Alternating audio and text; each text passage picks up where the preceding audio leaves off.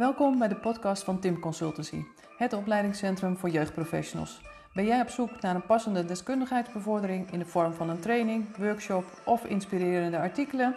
Kijk dan eens op de website of op onze social media kanalen. Welkom bij een nieuwe podcast van Tim Consultancy. Mijn naam is Margreet Timmer en vandaag ben ik in gesprek met uh, Danielle Stegging. Welkom Danielle. Hallo. Fijn dat Leuk je er bent. zijn. Ja. Ja, ja, jij uh, bent uh, psychomotorentherapeut bij het Kinderjeugd Traumacentrum in Haarlem. Ja. En ik hoop, waar een heleboel mensen jou uh, ook van kennen, hoop ik, van twee boeken die je hebt gemaakt. Twee boeken voor kinderen. Kan je even de twee titels noemen? Of ik de twee, ja, dat kan ik. Camille de Groene Chameleon. En dat, gaat, dat is eigenlijk geschreven voor kinderen die in de thuissituatie huiselijk geweld uh, hebben meegemaakt. Mm-hmm. Maar ik heb begrepen dat het inmiddels ook uh, veel gebruikt wordt voor kinderen die uh, ouders hebben met een conflictscheiding. Mm-hmm. En ik heb Daar zwemt Sonny geschreven. En dat is voor kinderen, maar ook hun ouders, geschreven die seksueel misbruik hebben meegemaakt. Ja. En vooral wat voor de jongere kinderen. Twee heel uh, waardevolle boeken die volgens mij bij iedere kindercoach, kindertherapeut in de boekenkast moeten staan en daar ook heel vaak uit moeten komen om, om te gebruiken tijdens de contacten met kinderen. Dus... Oké, okay, nou, dankjewel. Ja, ja, nou ja, en daar valt ook nog heel veel over te zeggen, maar daar gaan we het vandaag niet over hebben. We gaan het hebben over jouw werk als therapeut. Kan je voor mensen die eigenlijk geen beeld hebben van wij, wat doet een psychomotorentherapeut, iets vertellen over wat jouw werk inhoudt? Ja, ja een psychomotorisch therapeut is uh, ja, een therapeut die het um, bewegen en de lichaamservaringen als ingang uh, heeft. Dus dat is eigenlijk, het lijf is het middel. Uh, nou ja, en, en bij, in het lijf worden allerlei ervaringen opgeslagen. Um, en uh, met het lijf beweeg je. je. Gebruikt je lijf om emoties uit te drukken. Je gebruikt je lijf in het contact. En dat zijn ook, ja, ook de onderwerpen zeg maar, waar je als psychomotorisch therapeut mee bezig bent. Hoe uh, gebruik je je lijf? Um, hoe, zijn, uh, hoe komt stress tot uiting in je lijf? Hoe kan je de stress reguleren? Maar ook hoe kan je uh, verschillende vaardigheden aanleren in je lijf, die door omstandigheden die je niet geleerd hebt en die je wel uh, nodig hebt. Dus je kan bewegingsgericht, ervaringsgericht noemen we dat werken en lichaamsgericht werken. Um, ja, en dat is dus een behandelvorm die je kan gebruiken naast EMDR of naast praten of de, naast de cognitieve vormen van therapie. Ja, en wat is de, de reden waarom kinderen bij jou komen? Wat is de, de aanleiding? Nou ja, ik werk op het Kinder- en Jeugdtraumacentrum. Dus er zijn allemaal kinderen die uh, trauma's hebben meegemaakt. En bij ons is toch het gros van de trauma's uh, op het gebied van kindermishandeling. dus we zien ja, heel veel kinderen die zelf mishandeld zijn, die huiselijk geweld hebben meegemaakt, die seksueel misbruikt zijn. Uh, kinderen die in een uh, conflictscheiding uh, van de ouders zitten.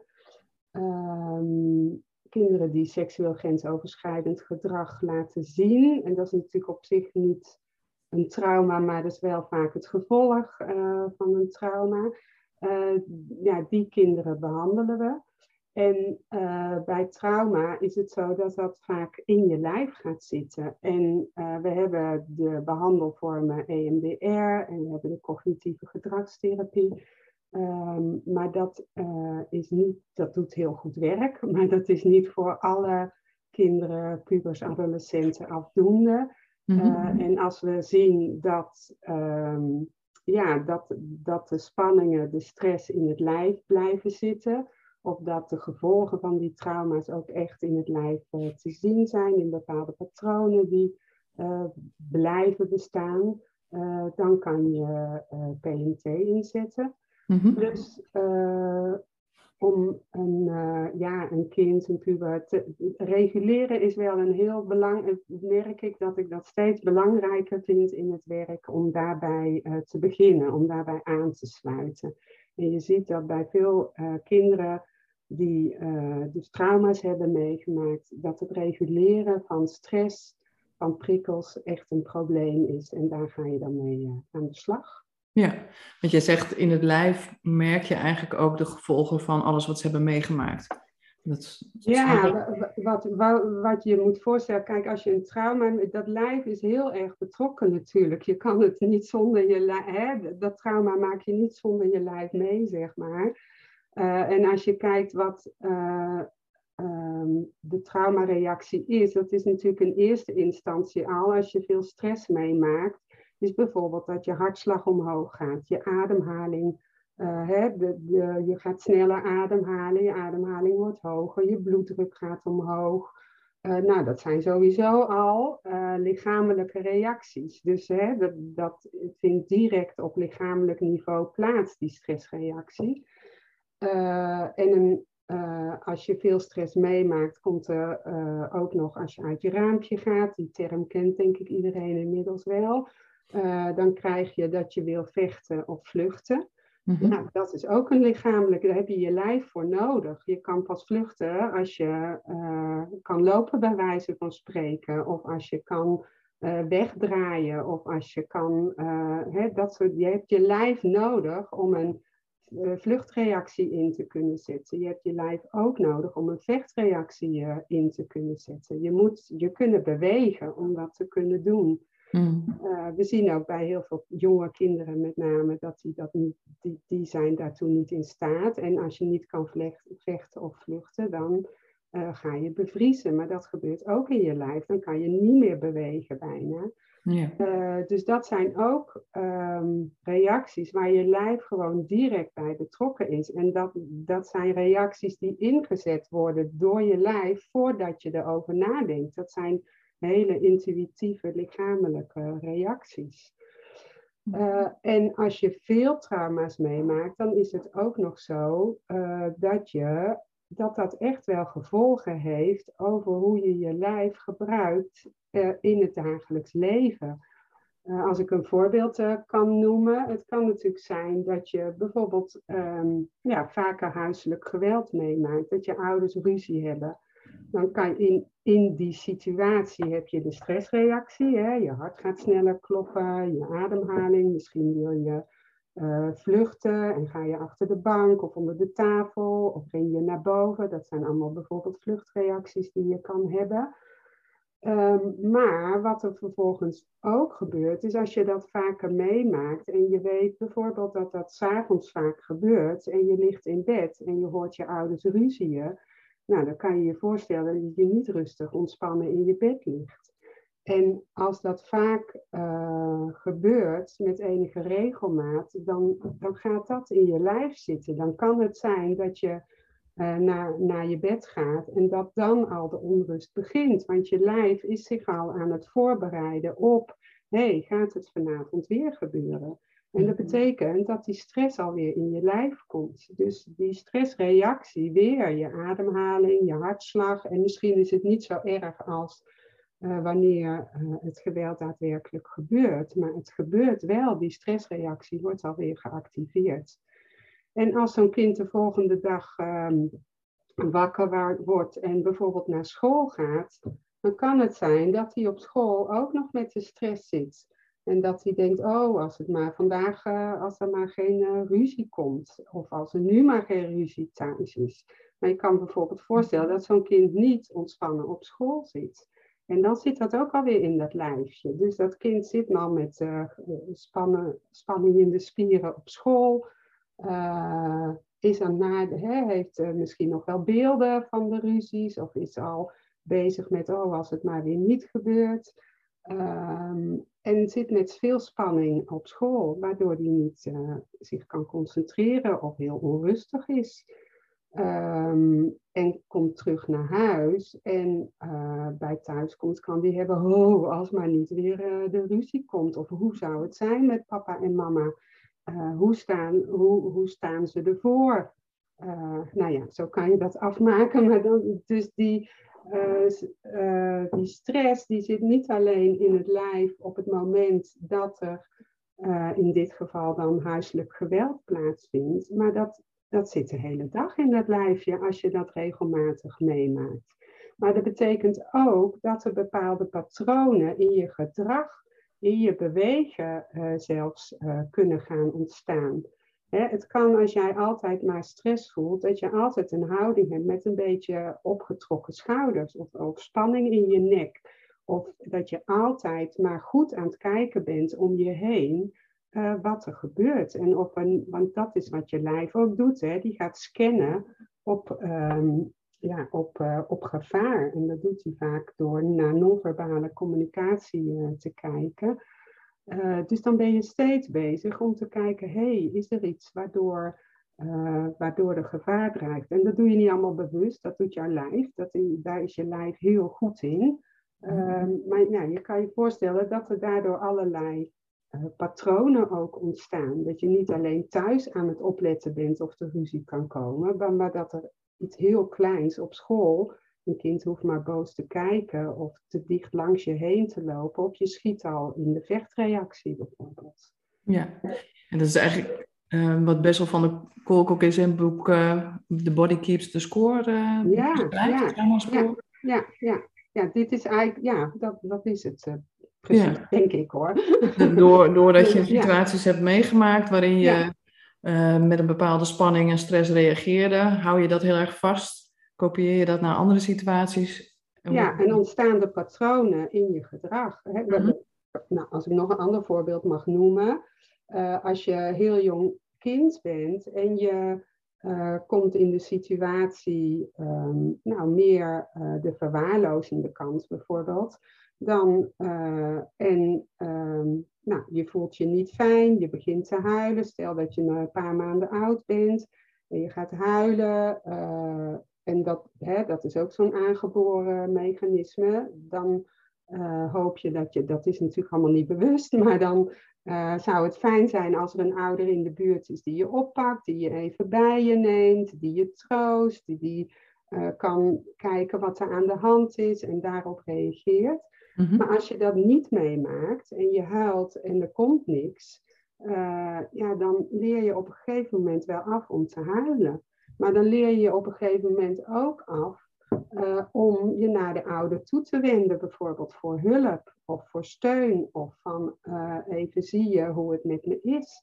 En je zie, ik heb echt kinderen in de ruimte. Als je daarmee uh, aan het spelen bent, die bijvoorbeeld um, altijd met de rug naar je toe zit in eerste instantie, die helemaal niet naar je kijken, die als ze iets gemaakt hebben, gebouwd hebben, is eigenlijk een soort automatische reactie dat kinderen even naar hun ouder kijken om zie je wat ik heb gemaakt, kijk eens, het is klaar.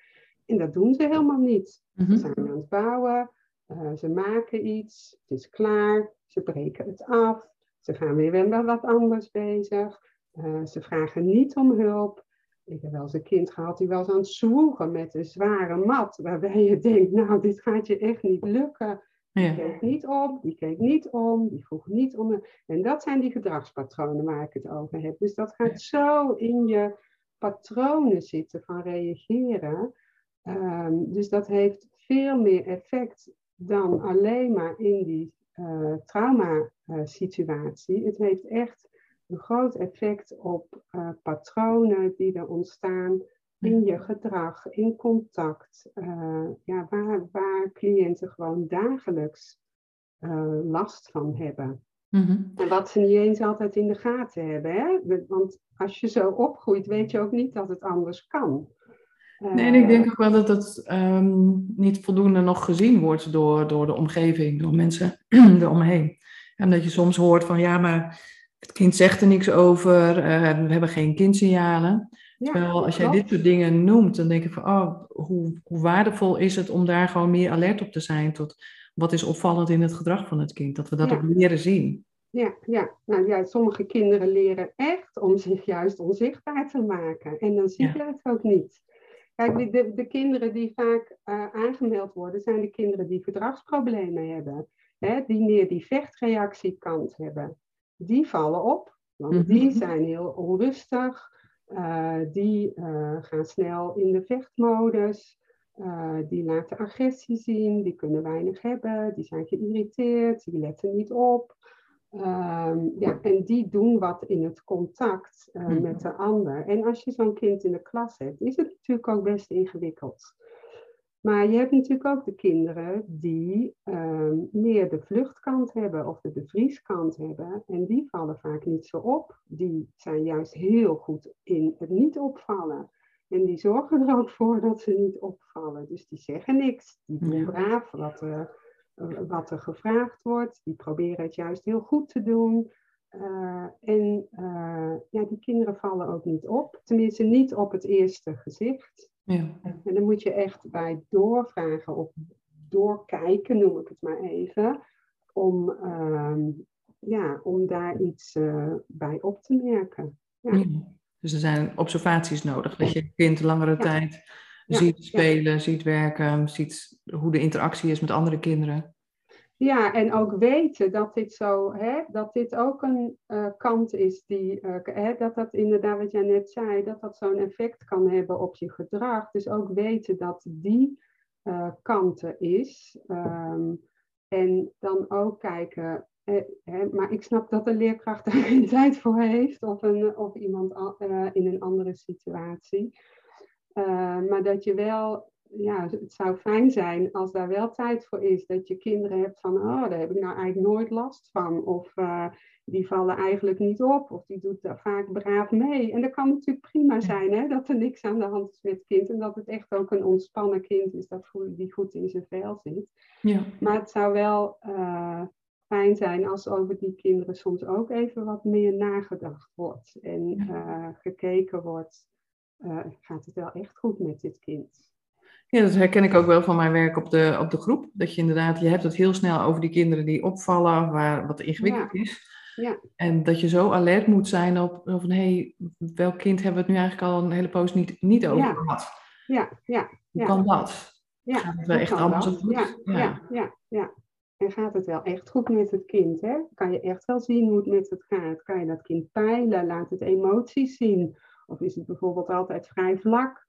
Zie je geen enthousiasme. Of uh, nou ja, daar kan je ook nog van alles over zeggen. Maar dan, uh, ja, dat vergt wat meer uh, observatie inderdaad. Maar vooral ook denk ik in ja. eerste instantie natuurlijk bewustzijn of kennis van hoe een stressreactie eruit ziet. Hoe kinderen kunnen omgaan met stress. Ja. Ja, dus je zegt van dat zijn de kinderen die, eh, die dus heel erg zelfstandig kunnen zijn, ook als ze een hele zware taak hebben, ja. dan nog niet om hulp vragen, zich afgekeerd houden, geen, geen oogcontact met een verzorger zoeken. Ja, ja. Um, wat nog meer? Waar, hoe uiten deze kinderen dat nog meer? Die groep? Nou ja, die kinderen zullen niet zo snel. Bedoel je in een klas op school? Ja, of een leefgroep of uh, ja, waar? Ja. Nou ja, die kinderen zijn denk ik een beetje, ehm, die doen niet zo'n appel op de, op de volwassenen. Hè? Als je dat gewend bent, dat je niet gezien wordt of dat je niet uh, gehoord uh, wordt of dat mensen niet naar je omkijken, dan sommige, ja, er zijn ook kinderen die daar heel boos over worden hè? en die van alles gaan proberen om juist wel de aandacht te krijgen. Uh, maar goed, we hebben het nu het even over die andere groep. Ja, het mhm. kan zijn dat die uh, niet, um, ja, geen hulp vragen, alles alleen proberen op te lossen. Um, maar waarbij je ook niet goed kan zien um, hoe het met ze is, die weinig emoties bijvoorbeeld laten zien, mm-hmm. die weinig uh, direct contact uh, opzoeken. ja, die kinderen die, heel, die stil zijn. Ja. Ik heb wel eens een meisje gehad die, uh, die zich echt bijna onzichtbaar kon maken. Dat ik echt een paar keer de wachtkamer inkwam en ik wist dat ze er was, maar ik, ik zag er eigenlijk over het hoofd. Dus echt heel bijzonder om mee te maken. Ja. ja. En dat, dat is een strategie die ze ja. onbewust ja. geleerd hebben, wat, wat helpt in hun situatie. Ja, ja, ja. ja. ja. En hoe ga je daar dan mee aan het werk? Wat is daar dan belangrijk? Ja, ik denk dat het uh, goed is om. Ja, je kan in het werk op verschillende manieren uh, hè, met die stressreactie aan de slag. Uh, je hebt natuurlijk de directe stressreactie, laat ik het zo maar even noemen. ehm, hè, dat je ehm, direct stress ervaart en je hartslag omhoog is of heel veel spanning ervaart in je lijf. Dat doen we bijvoorbeeld ehm, in de uh, FIT. Uh, dat is een, um, daar heeft uh, Valerie Victorie over verteld bij jou. Dat is de ja. vorm van intensieve traumatherapie die we hebben. En dan heb je op één dag, heeft een cliënt exposure, lichaamsgerichte therapie en EMDR.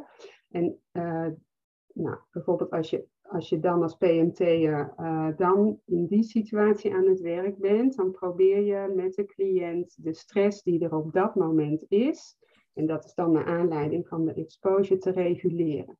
Hm. Dus dan ben je heel erg aan het kijken uh, met de cliënt, uh, nou voel je spanning, Um, en waar zit de spanning en wat kan jou dan helpen om je weer wat meer uh, te ontspannen, je weer wat kalmer te voelen. Een voorbeeld, uh, als je een cliënt hebt, nou die hadden we laatst, die had heel veel spanning in uh, dit gebied, in de hals, in de nek, kon niet goed ademhalen, veel spanning op de borst en de schouders. En dan probeer je met die cliënt iets te doen waardoor die spanning vermindert. Nou, haar hadden we een had ik, uh, en dat is allemaal onderzoeken. Hè? Dat is denk ik ook belangrijk om te melden. Het is niet zo dat we een draaiboek klaar hebben liggen van, oh, is dit, dan doe je dat. Het is echt mhm. onderzoeken met een cliënt wat helpt bij jou.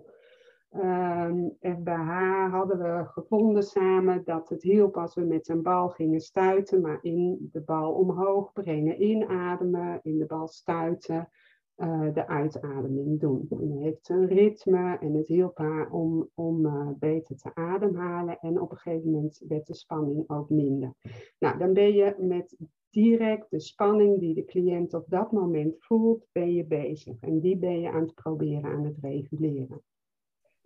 Dat is een hele belangrijke, want je wil graag dat een cliënt gaat voelen um, dat hij grip heeft op de spanning.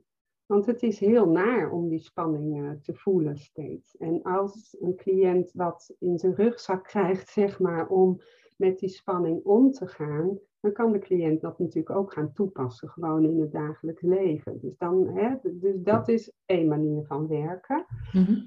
Dus je maakt uh, iemand bewust van waar de spanning zit. Ja. Hoe, wat ze daar vervolgens weer mee kunnen doen om de spanning te verminderen. Ja. weer ja. koppelen aan hun eigen dagpatroon of iets. Ja, precies. Dus dan ben je heel erg in de concrete situatie uh, aan het zoeken hoe kan jij de huidige spanning reguleren. En dan, um, nou, dat is een manier. Dan heb je ook nog cliënten die voelen helemaal niet in hun lijf, maar dat is een andere categorie. dat, uh, ja. Want dan moet je eerst bezig met uh, ja, dat die cliënt weer gaat voelen in hun lijf. Hè. Cliënten die heel veel gedissocieerd hebben bijvoorbeeld, die voelen hun lijf vaak helemaal niet. Maar goed, dan moet je eerst voorwerk doen. Ja. Uh, ja, de dissociatie, kan je daar iets meer over vertellen? Van wanneer gebeurt dat? Wanneer... Oh, dissociatie, dat gebeurt heel veel. Je hebt de reactie van uh, vechten, vluchten. En als je dat niet kan, dan heb je de reactie van uh, bevriezen. En dan heb je de actieve vriezen, bevriezen noemen we dat. Uh, dan heb je een soort staat van bevriezing, maar dan kan je nog wel een soort van in de gaten houden of er momenten zijn in de, in de stresssituatie waarbij je, waarbij je nog wel toch nog zou kunnen vechten of vluchten. Maar mhm. je hebt ook uh, de passieve bevriezen, noemen we dat, passive freeze. Uh, en dan kan je dat niet meer. Dan ben je echt, is je lijf ook een soort van uitgeschakeld. Uh, dus dan voel je je lijf ook niet, je voelt geen gevoelens, je maakt niet meer bewust mee wat er aan de hand is. Je trekt je eigenlijk een soort terug in je lijf uit de situatie. Je kan ook geen contact meer maken met, um, met de situatie, met personen. En dat is het dissociëren. En dat kan zelfs ook nog overgaan in de submissive state, noemen we dat. En dan geef je je eigenlijk als het ware over aan de situatie. Uh, net als een um, ja, dier met een roofdier. Sommige dieren gaan voor dood liggen, omdat ze weten een roofdier, nou weten, maar dat is allemaal uh, in, uh, aangeboren, omdat ze weten een roofdier gaat niks met een dood dier doen. Mhm. Nou, en daar kan je het mee vergelijken. Dus dan geef je je zo over aan de situatie, maar dan voel je ook niks meer. En dat is in die situatie voor de cliënt het meest veilig. Ja. Want dan maak je eigenlijk het minst mee, waardoor het het minst uh, naar is. En dat dan, hè, dan, dus als je onderuit het raampje bent, zeggen we dan, ik denk dat de meesten dat wel uh, weten, dan, uh, dan kan je dissociëren. Nou, dan kan je ook nog allemaal gedeeltelijk dissociëren, maar dat is een beetje. Maar deze mensen voelen hun lijf. Dus als je dat heel vaak moet doen in je leven, ja, dan wordt dat een patroon ook weer, waarbij je je lijf gewoon niet goed voelt meer, maar ook je gevoelens niet moet goed, goed, goed voelt. Dat is ook te, te, te bedreigend. Stel je voor dat jij altijd in je leven rondloopt. Er zijn natuurlijk mensen die, ja, die zich altijd naar voelen, nooit op hun gemak voelen. Ja, soms is het dan fijn als je dat ook, dat ook maar niet meer voelt, want uh, dat is echt heel, heel naar. Ja. En dan lijkt het me zo ingewikkeld als je dat nou, waarschijnlijk heel erg onbewust hebt aangeleerd, van hoe, je, hoe jij dan als therapeut dat weer beetje bij beetje. Ja, dat is ook ingewikkeld. Dat is echt ingewikkeld. Want sommige uh, uh, cliënten voelen ook echt heel weinig. Terwijl ze het gevoel hebben dat ze wel veel voelen. Maar goed. Uh, ja, en dan ga je proberen door verschillende oefeningen te doen.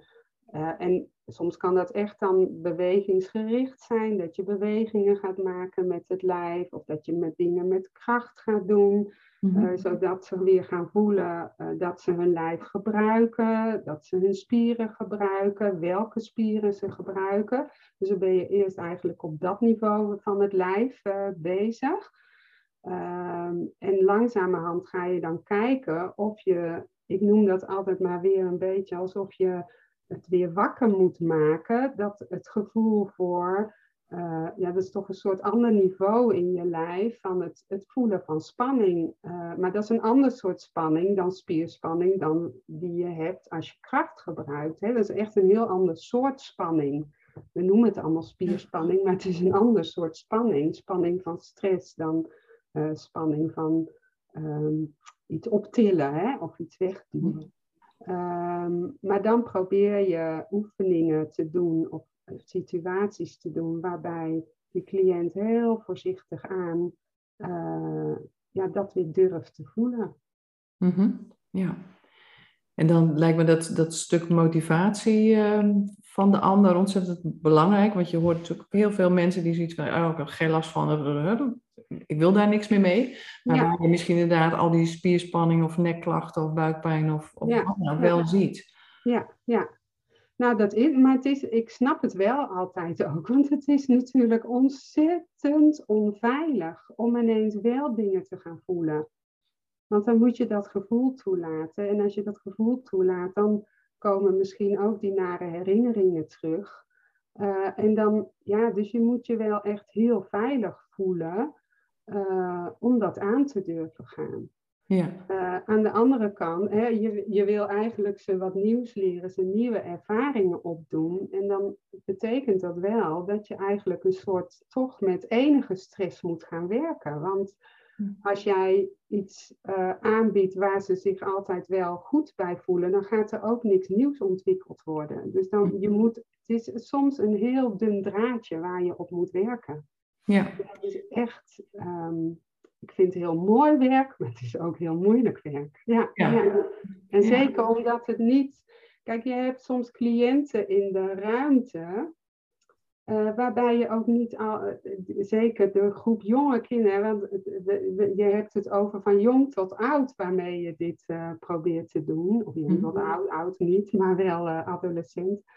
Um, en nou, bijvoorbeeld, ik werk veel met uh, kinderen die in pleeggezinnen terecht zijn gekomen. En je weet niet altijd goed wat hun geschiedenis is. Die is globaal wel duidelijk, maar niet, uh, niet in detail. En dat hoeft misschien ook niet altijd, maar daardoor weet je ook niet precies wat ze hebben meegemaakt. Mhm. En die patronen die ze hebben, ja, soms zijn die wel aan specifieke situaties gerelateerd. Daarom noem ik het ook zelf altijd met de ouder. ik weet niet hoe het precies zal gaan. Ik weet niet precies waar we gaan uitkomen. Maar ik wil graag samen met jullie zoeken naar wat, uh, wat jullie kind kan helpen. Ja. En omdat je niet precies weet wat een kind heeft meegemaakt, is het ook eerst, eerst maar eens kijken hoe doet een kind het? Dus eerst mhm. observeren. Wat, wat, uh, hoe, doet een, hoe gaat een kind met verschillende situaties om? Kan ik daar patronen in herkennen? Of juist helemaal niet. Je hebt ook kinderen waarbij je geen patroon kan ontkennen, uh, onderkennen. En dat zijn waarschijnlijk de kinderen waarbij je spreekt van een gedesorganiseerde hechting. Uh, waarvan ik soms wel eens denk, nou, misschien moet je eerder spreken van een gedesorganiseerde regulatie die daaronder zit. Omdat die niet hebben geleerd, uh, niet een, va een, vast patroon hebben uh, geleerd of ontdekt in hoe ze met stress moeten omgaan. Dus het kan zijn dat ze dan de ene keer boos worden en de andere keer zich ja, de andere keer dingen, ja. En het kan ook heel erg aan het soort situatie liggen. Het kan best zijn dat je kinderen hebt die in een bepaald soort situatie, nou laten we zeggen de situatie dat ze zich uh, afgewezen voelen, daar met een vechtreactie reageren. Ik noem maar even wat hoor. En in een situatie waarin ze het gevoel hebben um, ja, dat ze niet gezien worden. Um, en dan bedoel ik dus dat er niet daadwerkelijk gezegd wordt, je mag dit niet doen, of je, maar dat ze gewoon niet gezien worden, dan met een vluchtreactie uh, reageren. Mm -hmm. Maar het kan ook dat er geen patroon in te ontdekken is. En dan moet je toch ja, gaan onderzoeken, gaan kijken, goh, kan ik uh, toch iets vinden waardoor we dit kind wat kunnen kalmeren. Ja, ja dat lijkt dat kan heel erg in de relatie zitten. Vaak, vaak heeft het daarmee te maken. Mm kan ook we weten inmiddels dat um, we weten dat als je veel trauma's meemaakt, dat relaties, een goede kwaliteit van relaties, is, is de goede buffer hè, voor uh, trauma's. Ja. Maar als de, de trauma's waar we op het KITC mee te maken hebben, zijn bijna allemaal trauma's die, te maken, die binnen relaties plaatsvinden. Huiselijk geweld vindt binnen relaties plaats, seksueel misbruik, conflictscheidingen. Uh, dus allemaal trauma op het gebied van relaties. Ja. En wat je ziet is dat die relaties voor kinderen dus ook anders gaan voelen dan voor kinderen die in veilige situaties opgroeien relaties zijn voor deze kinderen niet veilig. Nee. En als je dan wil gaan herstellen, dan kan je ook niet um, gaan herstellen met hoe je normaal met kinderen zou omgaan in contact. Voor deze kinderen is contact eng. Voor deze kinderen is contact vaak onveilig.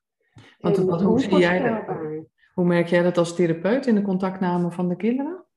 Nou, dit zijn geen kinderen waarbij je eens even dichtbij moet gaan zitten. Of naar ze toe moet gaan wanneer je denkt ze zijn van slag. Hm. Het zijn juist vaak kinderen waarbij je enige afstand moet houden. En waarbij je niet oogcontact moet vragen. Uh, en waarbij je niet um, ja, heel direct naar ze toe moet gaan. Deze kinderen hebben vaak juist afstand nodig. En moet je kijken vanuit de afstand, um, ja, wat kan ik doen om jou toch te laten voelen dat het contact veilig is. Mm En vaak hebben deze kinderen ook um, bijvoorbeeld niet nodig dat, je, dat er alleen contact is. Dat is doodeng. Ga maar mhm. rollen met een bal of stuiten met een bal. Dat helpt al heel veel. Uh, dat helpt sowieso al omdat er ritme komt. Hè, van Bruce Perry, um, die zegt ook, Bruce Perry van het uh, Neurosequential Model of Therapeutics Ritme is het eerste. Er moet ritme zijn, reguleren. En dan pas kan je in contact en dan pas kan je nadenken over uh, bepaalde dingen of over jezelf. Dus dat, dat ritme gebruik ik heel veel om eerst een kind maar een beetje te kalmeren. Om het, te, hè, om het kind te laten ervaren hoe je bent, uh, wat hij kan doen. Maar alleen maar contact, ja, dat is vaak doodeng. Ja, en dan heb je inderdaad die categorie, maar ik weet vanuit mijn werk als gezinspacht ook wel dat je soms in gezinnen komt waar jonge kinderen juist heel veel toenadering zoeken. Eigenlijk al heel erg lichamelijk zijn, bij je op schoot kruipen, eigenlijk in je kruipen. Ja. Hoe ga je daarmee om? Want dat kom je vast ook tegen. Ja, daar kom ik op de een of andere manier niet zoveel. Ik weet niet waarom. Maar, uh, uh, maar ik kom het zeker tegen. Gisteren had ik nog een meisje, weet je, die, die geeft je ook altijd een knuffel. En die geeft de oude begeleider, terwijl ze die pas twee keer gezien heeft. Nou, bij de eerste keer krijg je al knuffels, dat soort uh, dingen. Ja. Nou, in therapie probeer ik wel dan zelf uh, de afstand te bewaren. Ehm, dus dan als een kind op schoot komt zitten, dan, uh, ja, dan zeg ik, weet je, het voelt voor mij nog niet zo goed, want ik ken je nog niet zo goed om op schoot te komen zitten. Kom, dan maar, kom gewoon maar eens naast me zitten. En dan, dan ben ik er ook. Ja, zulke dingen. En mooi dat je dat vanuit jezelf, je zegt iets over je eigen gedrag en niet over Nee, want dat, voelt dan weer snel als een afwijzing. Hè? Dus dan, kun je, mhm. dan, nou, dan kan je weer in een andere stressreactie komen. Dat is toch zeker niet wat je in het begin van een uh, therapie wil. Dus dan ben je vooral bezig met het kind zo vertrouwd mogelijk te laten voelen en ja, weinig stress te laten ervaren. Uh, maar dat soort dingen doe je dan. Of je gaat spel doen waarbij afstand zit en niet meteen heel dicht, hè, waarbij niet dichtbij zit. Ja, maar kan dat een signaal van zijn als kinderen dat doen? Dat heel dichtbij? Ja, die, die toenadering steeds zo zoeken. Ja, nou dat, is, uh, dat zie je wel veel uh, bij kinderen die je hebt de groep kinderen die vanuit nooit aandacht gehad hebben, zich maar terugtrekken en geen contact meer maken. Maar je hebt ook kinderen die juist alleen maar zoeken naar aandacht, alleen maar zoeken naar iets van uh, contact. Dat is een andere, een andere soort reactie uh, op, op wat ze hebben meegemaakt. En dan maakt het niet uit. Die kunnen bij wijze van spreken in een winkel ook aan, aan, mensen een knuffel geven of heel dichtbij staan of ineens een handje geven. Of, dat maakt dan niet uit wat het, met wie het contact is, maar als er maar even iets van contact is. Want even contact is toch even gezien worden. En, uh, dus dat kan daaruit voorkomen. Je hebt natuurlijk ook kinderen die seksueel misbruikt zijn, die echt helemaal niet het gevoel hebben, dat geldt trouwens voor die andere kinderen ook, niet het gevoel hebben voor uh, grenzen binnen contact, afstemmen binnen contact. Hun grenzen zijn doorbroken. Nou ja, en dan, dat kan als reactie geven dat ze denken dat dat zo hoort, dat dat bij contact hoort en dat zij dat uh, op die manier ook uh, bij anderen doen. Ja, ja. oké. Ehm, en we hadden het net al even over van, van zo belangrijk dat um, je werkt aan die motivatie en zo. Wat zouden jeugdprofessionals kunnen doen als zij te maken hebben met een gezin met kinderen waar je echt wel het idee van, nou, die hebben veel trauma meegemaakt. Daar zouden, zou echt wel een stukje behandeling kunnen helpen. Hoe zou je dat kunnen introduceren? Of hoe, hoe zou je daar, want soms heb je te maken, die cliënten hebben zoiets van, nou, dat hoeft niet, ik heb er geen last van, het, het hoeft allemaal niet. Ja, nou ja, dat, dat, dat is moeilijk. Wat wij wel veel doen is, uh, en ik denk dat dat ook goed is om uh, te, te doen, om psycho-educatie te geven. Mm -hmm. Om heel goed uit te leggen wat stress met je lichaam kan doen, wat stressreacties zijn. Um, en dat uh, koppelen aan wat je bij die bepaalde personen ziet. En dan niet op een veroordelende manier, maar gewoon eerst maar eens uitleggen. En dan, ja, wat ik vaak ook wel doe, is dat ik cliënten vertel dat ik ze gun dat het, dat het anders kan gaan in hun leven dat je ze gunt dat, dat ze minder stress hebben. Of dat je ze gunt dat hoe het eerst is geweest, dat, dat, dat ze gaan ervaren dat dat niet voor alle situaties uh, geldt. Dat niet alle volwassenen bedreigend zijn. Um, en, dat, uh, en dat je ook uitlegt, want vaak, hè, ons, ik, ik noemde net, er ontstaan bewegingspatronen, patronen in gedrag. Maar er ontstaan natuurlijk ook allerlei negatieve overtuigingen over zichzelf. Die zijn ook vaak heel leidend in uh, hoe ze in het leven staan en hoe ze doen. Um, en uh, ja, ja, je gunt ze dat, dat daar ook wat verandering in kan komen. Ja. Ja. Ja, en soms raak je daar natuurlijk al zo'n negatieve overtuiging van een kind. Dat ze het Ja, zichzelf niet ja. meer gunnen, omdat ze Ja. zichzelf niks waard vinden. Ja, ja. En sommigen kunnen het ook echt niet. Dan is het echt nog een stap te ver. Dan is het echt eh, bedreigend. En, en is het, nou, dan kan het ook te maken hebben met dat hun omgeving, eh, dat ze nog te weinig steunbronnen hebben, bijvoorbeeld in hun omgeving. Dat. Want je, als je dit wil gaan doen, als je dit wil aangaan, dan moet je natuurlijk toch wel een soort backup hebben voor jezelf. Je moet wel iets hebben van mensen om je heen die jou kunnen steunen en die jou kunnen helpen. Want het is echt heel moeilijk, Mhm. moeilijk om dat proces eh, aan te gaan. Het is echt heel, heel stressvol gewoon. Ja, ja. En, ehm, want je moet alles waar, waar je altijd eigenlijk in geloofd hebt, hè, hoe je dacht dat het leven in elkaar zat, dat komt op, ehm, op de helling. Ja, dan ga je weer opnieuw naar Ja, kijken. ja, Anders ja. kijken. Ja, Ja. ja. Mooi. Dus, dus eigenlijk een, een steunfiguur of figuren zijn belangrijk om Ja, eh, hiermee ja. te starten. Nog andere dingen die belangrijk zijn, wat al geregeld is of wat al gebeurd is voordat je hiermee aan de slag kan?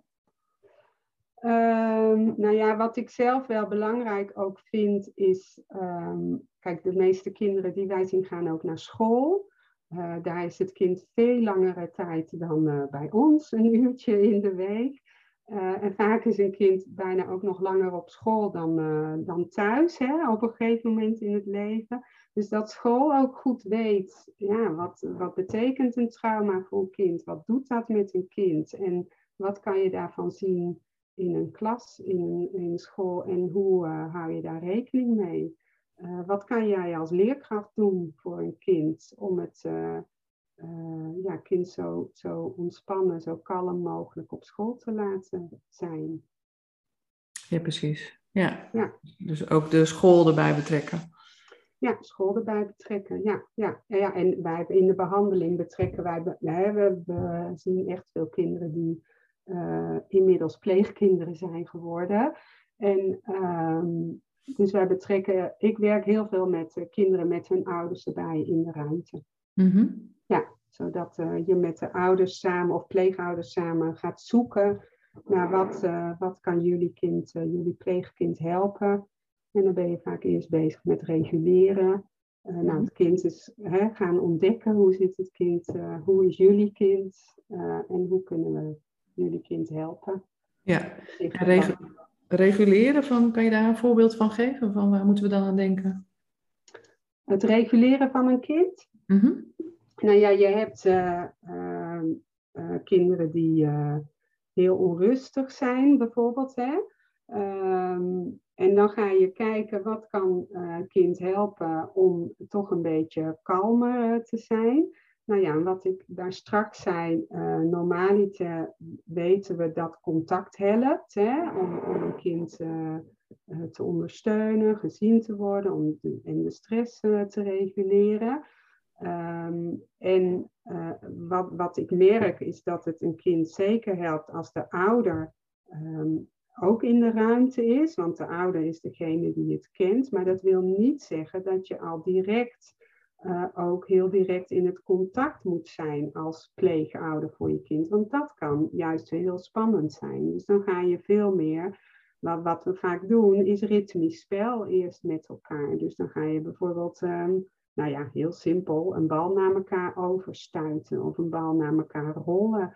En ehm, als je dan merkt dat het kind kalmer wordt, eh, en soms he- heb je daar echt langere tijd voor nodig, eh, dan kan je kijken, kunnen we eh, wat eh, binnen het contact zelf gaan doen. Maar eerst ben je vaak bezig met, met iets ritmisch en dan niet meteen contact, maar misschien naast elkaar of na elkaar. Ik heb een meisje gehad die, nou dat was ook zo'n meisje waarbij het echt moeilijk was om een, bepaalde, of, of een bepaald patroon te ontdekken. Maar op een gegeven moment hadden we door dat als je meer tegenover of wat dichter bij haar stond, dan ging ze echt een soort apart gedrag eh, laten zien.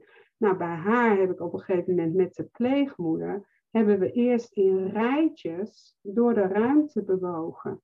En zij mocht voorop. Dus toen zijn we ja, gewoon door de ruimte uh, gaan lopen. Of we hadden een manier dat we uh, eilandje gingen springen, noemen we dat. Dan spring je van mat naar mat. Maar dat deden we in een rijtje. Dus zij eerst, dan de pleegmoeder, dan ik. En dan gingen we zo in een rijtje achter elkaar springen. En dan kan je langzamerhand variaties gaan aanbrengen. En dat kan je doen door bijvoorbeeld dat pleegmoeder en het meisje naast elkaar op die mat te gaan springen. Dan heb je naast elkaar, kom, en je bent wel ook aan het springen. Dat, dat helpt wel. Dus je hebt meteen gesprekken en je hebt dat ritme erin. Uh, nou ja, en dan kan je de, die, uh, dat uitwerken of dat gaat lukken. Uh, je kan ook doen dat de, de een aan de ene kant van de matte begint en de ander aan, de, hè, aan het eindkant van de matte. En dat je elkaar naar elkaar ook gewoon naar het einde springt, maar dan kom je elkaar even tegen. Nou, hoef je eerst niks mee te doen. Maar als dat goed gaat, kan je dat moment van elkaar tegenkomen pakken. En bijvoorbeeld een high five geven. Nou, op die manier ben je dan heel erg stap voor stap bezig. Om um, ja, zo'n meisje uh, wat meer uh, gewoon sowieso te kalmeren, gerust te stellen. En dan ga je kijken, hey, kan ik binnen het contact, wat zo spannend voor haar is, kan ik haar daar stapjes in laten maken? Ja, dan denk ik ook heel mooi dat de pleegouder daar dan bij is, zodat zij dat ook in de, de ja, dagelijks leven weer kunnen oppakken. Dat wil ik dan ook graag natuurlijk, dat die pleegouder dat meeneemt in de thuissituatie en daarmee ook op die manier aan de slag gaat. Mm Ja, ja. Mooi. Ja. nou, ik hoop dat het een, eh, een, een goed beeld geeft van, uh, van wat jij kan doen als er sprake is van trauma bij kinderen. Uh, dat dit een hele mooie, mooie aanvulling is, uh, nou, wat er voor nodig is. En dus dat stukje psycho-educatie, dat dat een belangrijke rol heeft ook bij het motiveren van, van kinderen en ook hun ja. verzorgers, denk ik. Ja. Ja. ja. Is er nog iets waarvan je denkt van, oh, maar dit moet, moet ik ook echt nog wel even zeggen? Of wat, wat je graag mee wil Nou, misschien nog even, omdat ik kan uh, gewoon lang niet alles vertellen, merk ik. Ja. um, maar ik had het natuurlijk over hè, het reguleren. In, uh, je kan met de stressreactie in een concrete situatie uh, aan de slag. Mm -hmm. We hebben het ook wel een beetje gehad over die patronen die uiteindelijk kunnen ontstaan. Maar je hebt ook nog een manier van werken waarbij je de afweerreactie uh, uh, met die, echt die afweerreactie aan de slag kan. En het idee daarachter is uh, dat je, um, ook al kom je in de, het, als eerste wordt in je lijf de vecht- of vluchtreactie aangemaakt. Mm -hmm. dus die wordt een soort van geactiveerd. Maar als je lijf erachter komt dat dat geen optie is in die situatie, dan ga je naar de bevriesmodus. maar die um, vecht-vluchtreactie is wel een soort van gestart in je lijf. Hè? Dus de, de, hormonen die daarbij horen, de reacties in je lijf die daarbij horen, die is wel gestart. En nou is het idee dat dat dus vaak in situaties, dat vaak terugkomt in situaties, dat die afweer, dat het kan helpen als je die vecht- of vluchtreactie dus kan afmaken. Want dat heb je nooit gekund. Daardoor ben je in de bevriesmodus gekomen. Dus je kan ook in de therapie uh, werken om die afweerreactie af te maken. En dat kan je ook heel goed met uh, PMT doen. En dan, ik maak dan gebruik van de sensorimotorische psychotherapie. En dan ga je echt heel uh, kijken, en dat moet een cliënt kunnen, hè, wat, wat voor spanning ervaar je, waar ervaar je spanning. En dan ga je heel langzaam volgen om te kijken of daar ook een beweging uitkomt. Uh, en een beweging die dus bij die cliënt past, bij de spanning die die cliënt ervaart. En dan ga je bijvoorbeeld, uh, het kan leiden tot iets wegduwen bijvoorbeeld. Of dat je eens een keer werkelijk kan vluchten, dus weg kan rennen. Maar dan ga je wel heel, uh, probeer zo heel precies de uh, spanningsreacties in het lijf te volgen. En dan probeer je dat, uh, dat af te maken. Ja. Dus dat is ook een manier van werken ja. die uh, ik veel doe. Ja. Want doordat je hem steeds niet afmaakt. Ja, blijft dat zitten in je lijf, is het idee. Ja, oké. nou ja, op zich heb ik ook wel de ervaring dat dat zeker kan helpen. Dat, mhm. nou, ik heb het gedaan met bijvoorbeeld laatst een meisje dat, dat had met seksueel misbruik te maken. En die, ehm, eh, die had uh, willen wegrollen, lijkt het. Maar nou, voordat je daarachter bent, moet je het eigenlijk heel, precies volgen. En um, nou, na die sessie, en zij sliep altijd in een bepaalde houding, en ze kon ook nooit goed slapen, had veel slaapproblemen. En na die sessie is ze op de een of andere manier gewoon uit zichzelf op een andere, in een andere houding gaan slapen en slaapt beter. Ja, oh, dat is wel mooi als je daar dan uiteindelijk met elkaar achter komt en dat. Ja, ja, ja, ja. Ja, maar dan snap ik dat je zegt, van dat is een hele puzzel, het hele gezoek. Ja, ja, van ja, het is niet zomaar, oh, we gaan even duwen en dan uh, komt het wel goed. Nee. Het is ook weer volgen, wat is bij deze cliënt in die situatie aan de hand geweest. Ja, ja, ja. ja. ja. Mooi, dankjewel. Ik denk heel veel uh, mooie, waardevolle informatie die je gedeeld hebt. Um, we gaan hem afronden en de vraag waar ik altijd mee eindig is, uh, aan wie zou je het stokje door willen geven? Uh, ik zei al dat ik heel veel met pleegouders werk. En ik zou het eigenlijk wel leuk vinden als um, nou, zij ook aan de beurt komen. En ik vind het zo mooi altijd dat zij dit doen. En wat je dan ook eigenlijk in huis haalt. Uh, en dat je daarvoor gaat staan en vaak als leeuwen gaat vechten voor je pleegkind. Vind ik altijd uh, heel mooi ja. om te zien. Uh, dus ik zou het wel leuk vinden uh, ja, dat ook eens uh, zij kunnen praten over ehm, wat ja. ze tegenkomen. Precies, en wat, wat hun daarbij heeft geholpen. En ook, ja, ja, ja. ja. kijken. Ja, mooi. Ik denk dat het een heel waardevol perspectief kan zijn. Leuk. Dankjewel voor dit gesprek. Graag gedaan. Dankjewel voor het luisteren naar deze podcast van Tim Consultancy. Hopelijk was het een waardevol gesprek voor je om naar te luisteren. Wil je meer weten over de onderwerpen die we in onze podcast bespreken? Check dan ook onze social media kanalen of de website van Tim Consultancy voor een van onze opleidingen of trainingen. Heel graag tot een volgende keer en een fijne dag gewenst.